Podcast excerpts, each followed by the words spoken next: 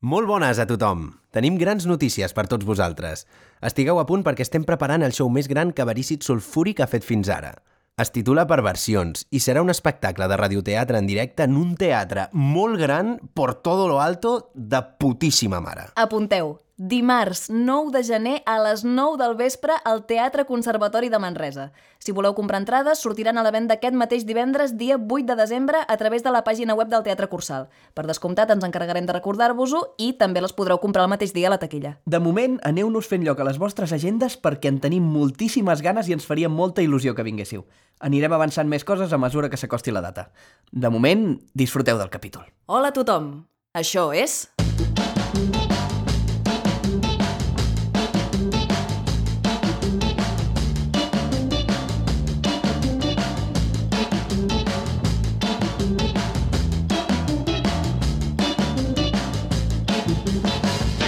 Verícit sulfúric. Avui, a Verícit Sulfúric, la cançó de les finestres. Escrit per Anna Ferrer Albertí, Laia Garcia, Vicent Ortega i Pau Pérez. Amb Oriol Fages, Anna Ferrer Albertí, Laia Garcia, Vicent Ortega, Pau Pérez, Clara Esbarce i les col·laboracions estel·lars de Lluís Nicolau i Míriam Riau. És a dir, una servidora. Hola, bon dia. Em pots posar un cafè amb llet per emportar, si plau? Ara mateix, maca. Tu, heu vist això de les finestres? El què? Que diu que ara no et pots tirar per la finestra. Com, com? No, que han aprovat una llei que diu que no es pot sortir d'un edifici per la finestra. Ah, bueno, doncs no sortirem per la finestra. Oh, cony! I si ara m'hi em ve de gust sortir per una finestra, no puc? A veure, és pel bé de tots, no cal prendre-s'ho malament. Però què vol dir? Que prohibeixen el suïcidi? El balcòning? De què va la cosa? No, senzillament no es pot sortir per la finestra. Així t'estalvies molts disgustos. No em sembla un problema. Però puc sortir al balcó. Clar que pots sortir al balcó, però no de l'edifici. És una qüestió de seguretat. És qüestió de tocar els collons al personal. Però vostè surt molt sovint per la finestra? Doncs de tant en tant sí. No m'ho crec. Eh, doncs és veritat que jo no ho faig mai, però ben mirat, sí que em molesta que ara em diguin que no puc. Clar, és que a ningú li agrada que li diguin què ha de fer. Senyor, és com saltar-se un semàfor en vermell. És de sentit comú. Jo tota la puta vida he estat sortint per la finestra i no li he fet mal a ningú. I que em posin al mateix sac que un assassí o un terrorista. On va parar? Jo només dic que per aquestes coses la gent és molt sensible i més d'un s'emprenyarà. El teu cafè.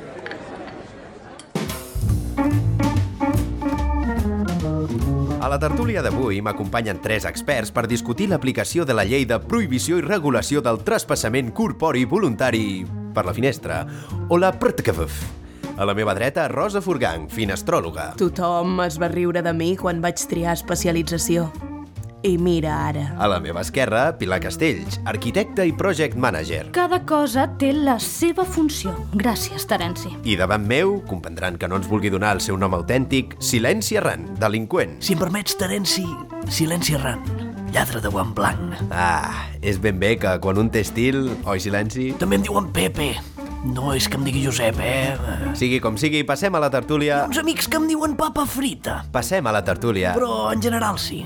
Silenci errant. La tertúlia... Lladre de guant blanc. La tertúlia! La PRTKV ha estat el tema de moda a les xarxes durant l'última setmana. Els articles d'opinió en van plens, és trending topic a Twitter i fins i tot s'ha creat l'emoticona de la finestra que, ens informen, és la més utilitzada al WhatsApp en aquests moments. Rosa, ens podries aclarir el context històric d'aquesta situació? Com sabràs, Terenci, la història de les finestres és llarga i convulsa. És cert que en la majoria de cultures conegudes, les que han tingut finestres, entenem, la finestra ha estat una figura purament funcional, de ventilació, d'entrada de llum... Podríem dir que és una obertura a la paret, una simple obertura a la paret, però ens equivocaríem. Algunes civilitzacions actuals la consideren una entrada i sortida perfectament vàlida i altres, de ja extingides, ni tan sols contemplaven el concepte de porta. Per tant, si em preguntes el per què de la Pertacabuf, només et puc respondre que la societat occidental actual està menys preparada per aquesta classe de pràctiques per una simple qüestió d'urbanisme. Els edificis són alts d'herència. És comprensible que no es vulguin accidents. Ara bé, Hauríem de deixar la decisió en mans de la gent? Sortir per la finestra hauria de ser un dret? Un dret humà fins i tot? No ho sé. Només la història ens ho dirà. Saps, Rosa, mai em canso d'aprendre i és gràcies a tertulianos com tu que ho puc continuar fent. Per altra banda, Pilar, què opineu els professionals del sector? Jo no dissenyo portes perquè la gent surti per la finestra. És un insult a la meva feina i una temeritat, una autèntica temeritat. Si els arquitectes treballem nit i dia per crear vivendes còmodes, pràctiques i segures, és perquè la gent en faci un ús adequat. Sortir per la finestra. Què serà el següent? Dormir a la banyera? Fer torrades al radiador? Pixar a la pica? Per això estic completament a favor de la Porta Cabuf. Visca la Porta Cabuf! Llarga vida a la Porta Cabuf! Després de Pilar Castells, arquitecta eh, apassionada, passem a Silenci Errant, lladre de guant blanc. Jo m'esmunyo. Jo sóc a la nit, la lluna nova, el fred que t'entra els ossos abans que puguis adonar-te'n, la boira que s'escola per les escletxes, un, una, un, un sospir que, que es perd, que no el sent ningú, en la fosca. Silenci. He dit ja que sóc la nit. Silenci, silenci. Què opines de la porta que veu? Oh, no m'agrada gens. Ja em busquen per robar, a sobre m'han de detenir per sortir per la finestra? No, no, no, els del gremi estem emprenyadíssims. La manifestació ciutadana contra la llei de prohibició i regulació del traspassament corpori voluntari per la finestra ha agrupat aproximadament a 2 milions de persones, una resposta tan massiva com inesperada. Des de les 8 del matí ja hem pogut veure accions de protesta tan curioses com els veïns del barri obrint les seves finestres als manifestants perquè n'entressin i en sortissin. També s'han sentit càntics com sortim per la finestra, volem ser com la resta, i s'han vist pancartes amb el lema per te que beuf, ja no me beuf. Passem a sentir les declaracions d'alguns manifestants. Jo a la meva època ja vaig lluitar per les meves llibertats. Vaig córrer davant i darrere de molta gent. Som oficialment a 1936. Eh, és que és indignant, eh, estem indignats. És que, no es pot permetre, és, és una vergonya. Es, estem indignats, és, és, és, és indigne. Nosaltres hem tret a tota la família. Hem agafat el cotxe, hem fet bocates i apa, no ens podem quedar a casa. No podem callar davant d'aquesta injustícia. Estem construint un futur millor pels nostres fills. Oi, Manel? Sortim per la finestra. Volem ser com la resta. Gràcies, Manel. Passem ara a l'escenari principal de la concentració on s'està a punt de llegir un manifest anti-Pertecabeuf. Mai havíem volgut fer-ho, però ara ens toca la moral.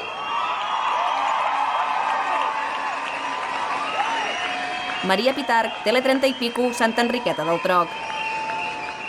Senyoria, el meu client ha estat acusat injustament. Exposi la defensa, senyora Padilla. Si analitzem la Perte que Beuf, veurem que no s'hi especifica en cap moment què és una finestra. Senyoria, el mer objecte, el mer concepte, la mera idea al voltant de la qual gira tot aquest cas no es troba descrita a la llei que en prohibeix un ús indegut. On anirà a parar el Codi Penal? Insinua, senyora Padilla, que el judici no pot proseguir perquè els membres del jurat no saben què és una finestra? Ans al contrari, senyoria. Senyoria, amb la vènia passo a llegir la definició de finestra segons l'Institut d'Estudis Catalans.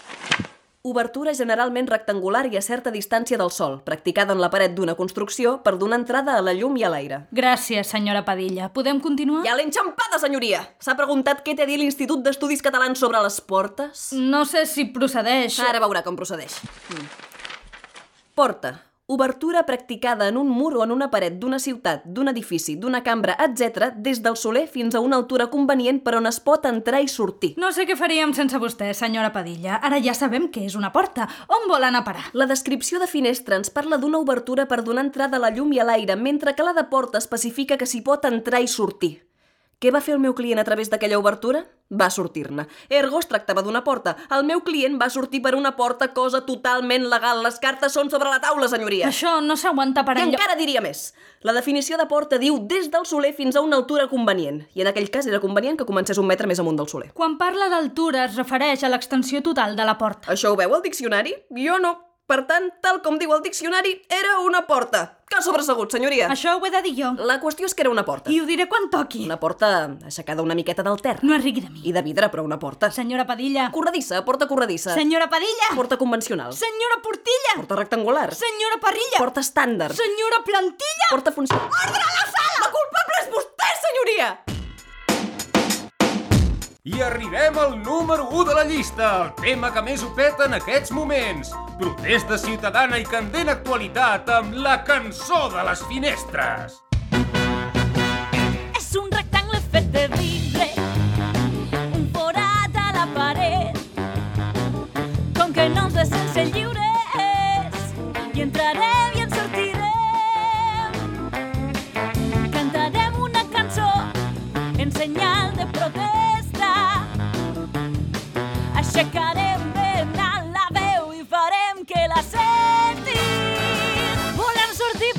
Finestra. Finestra. Volem fer la revolució. Finestra. Perquè volem un món millor, una gran reconquesta. Som els herois d'aquesta gesta. Finestra. Posem-hi tota la passió. Finestra. Així que porta una finestra i sortim tu i jo. Així que porta una finestra i sortim tu i jo.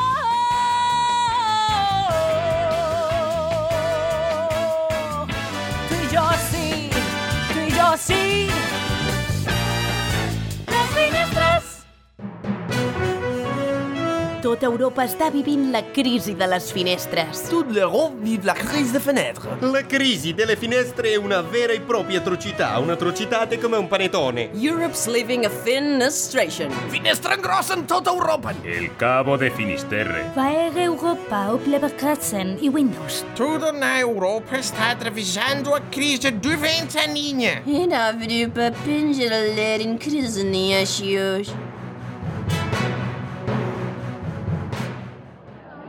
Europa tiene un problema.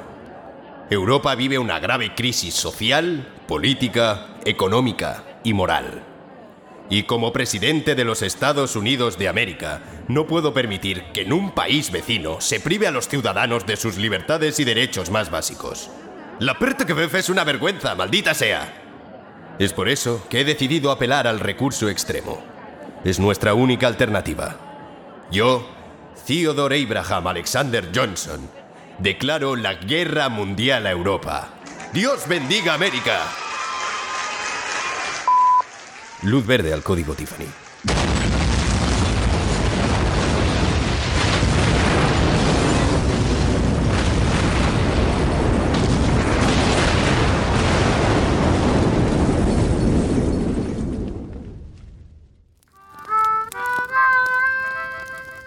Aleshores els Estats Units van llançar la bomba i va començar la guerra. La gran guerra del corrent d'aire. I quan va ser que van desaparèixer les cases? Europa es va veure acorralada. Es va decidir acabar amb els problemes que causava la preta que va fer. Així que es van prohibir les finestres. I després, els edificis. Eh, Perquè, és clar, treure totes les finestres de tots els edificis és complicat. Era el pas lògic. Jo només era un nadó quan va esclatar la guerra.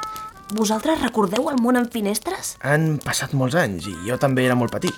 Però sí, en tinc algun record. Recordo que tenia una habitació amb llit i mobles. Menjàvem en taules, amb coberts. Jo una vegada vaig sortir per la finestra quan encara no estava prohibit. Tenia 4 anys. Oh, jo vaig anar a la manifestació. M'hi van portar els meus pares. Recordo anar pel carrer amb, amb molta gent i, i entraven i sortien per la finestra sense parar i, i cridaven i, i cantaven. És veritat, com feia aquella cançó? Ah, volem sortir per la finestra. Volem fer la revolució. Perquè volem un món millor. Una gran reconquesta. Som els herois d'aquesta gesta. Posem-hi tota la passió. Així que porta una finestra i sortim a tu i jo. Veieu? Volien un món millor per nosaltres. Van lluitar per la nostra llibertat. I de què ha servit? No tenim res, no, no tenim finestres, no tenim futur. Manel, no et posis així. Si nosaltres ja no hi podem fer res. Sí que podem, és clar que podem. Però si només ets un nen, Manel. Què faràs? Doncs... Doncs viatjaré pel món i sortiré per totes les finestres que trobi. Quines finestres? D'edificis en ruïnes, m'és igual. Així la gent veurà que no és tard per lluitar. Que les coses poden tornar a ser com abans. Amb edificis i finestres i... i felicitat. No cal que em seguiu, nois. És la meva missió i l'he de complir sol. Adeu. N'estàs segur? Totalment. D'acord. Molta sort, Manel. Sortim per la finestra. Volem ser com la resta. Sortim per la finestra. Volem ser com la resta. Sortim per la finestra. Volem ser com la resta.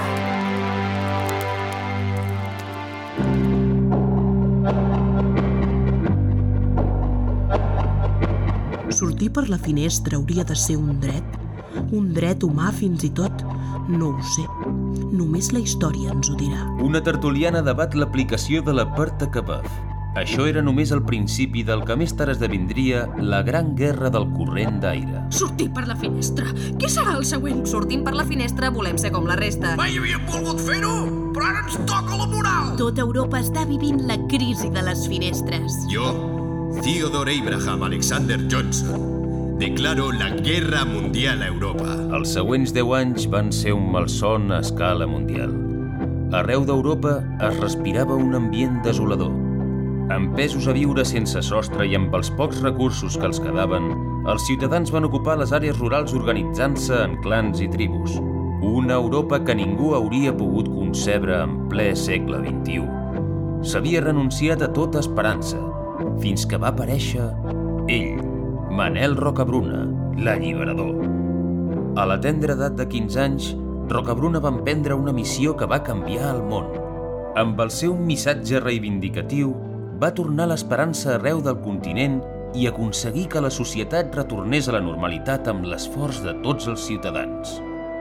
Ja fa 50 anys que Rocabruna va morir en combat a la batalla del Cap Finisterre II, el retorn. És per això que avui volem honrar la seva memòria amb aquest documental. Rocabruna, tots a una.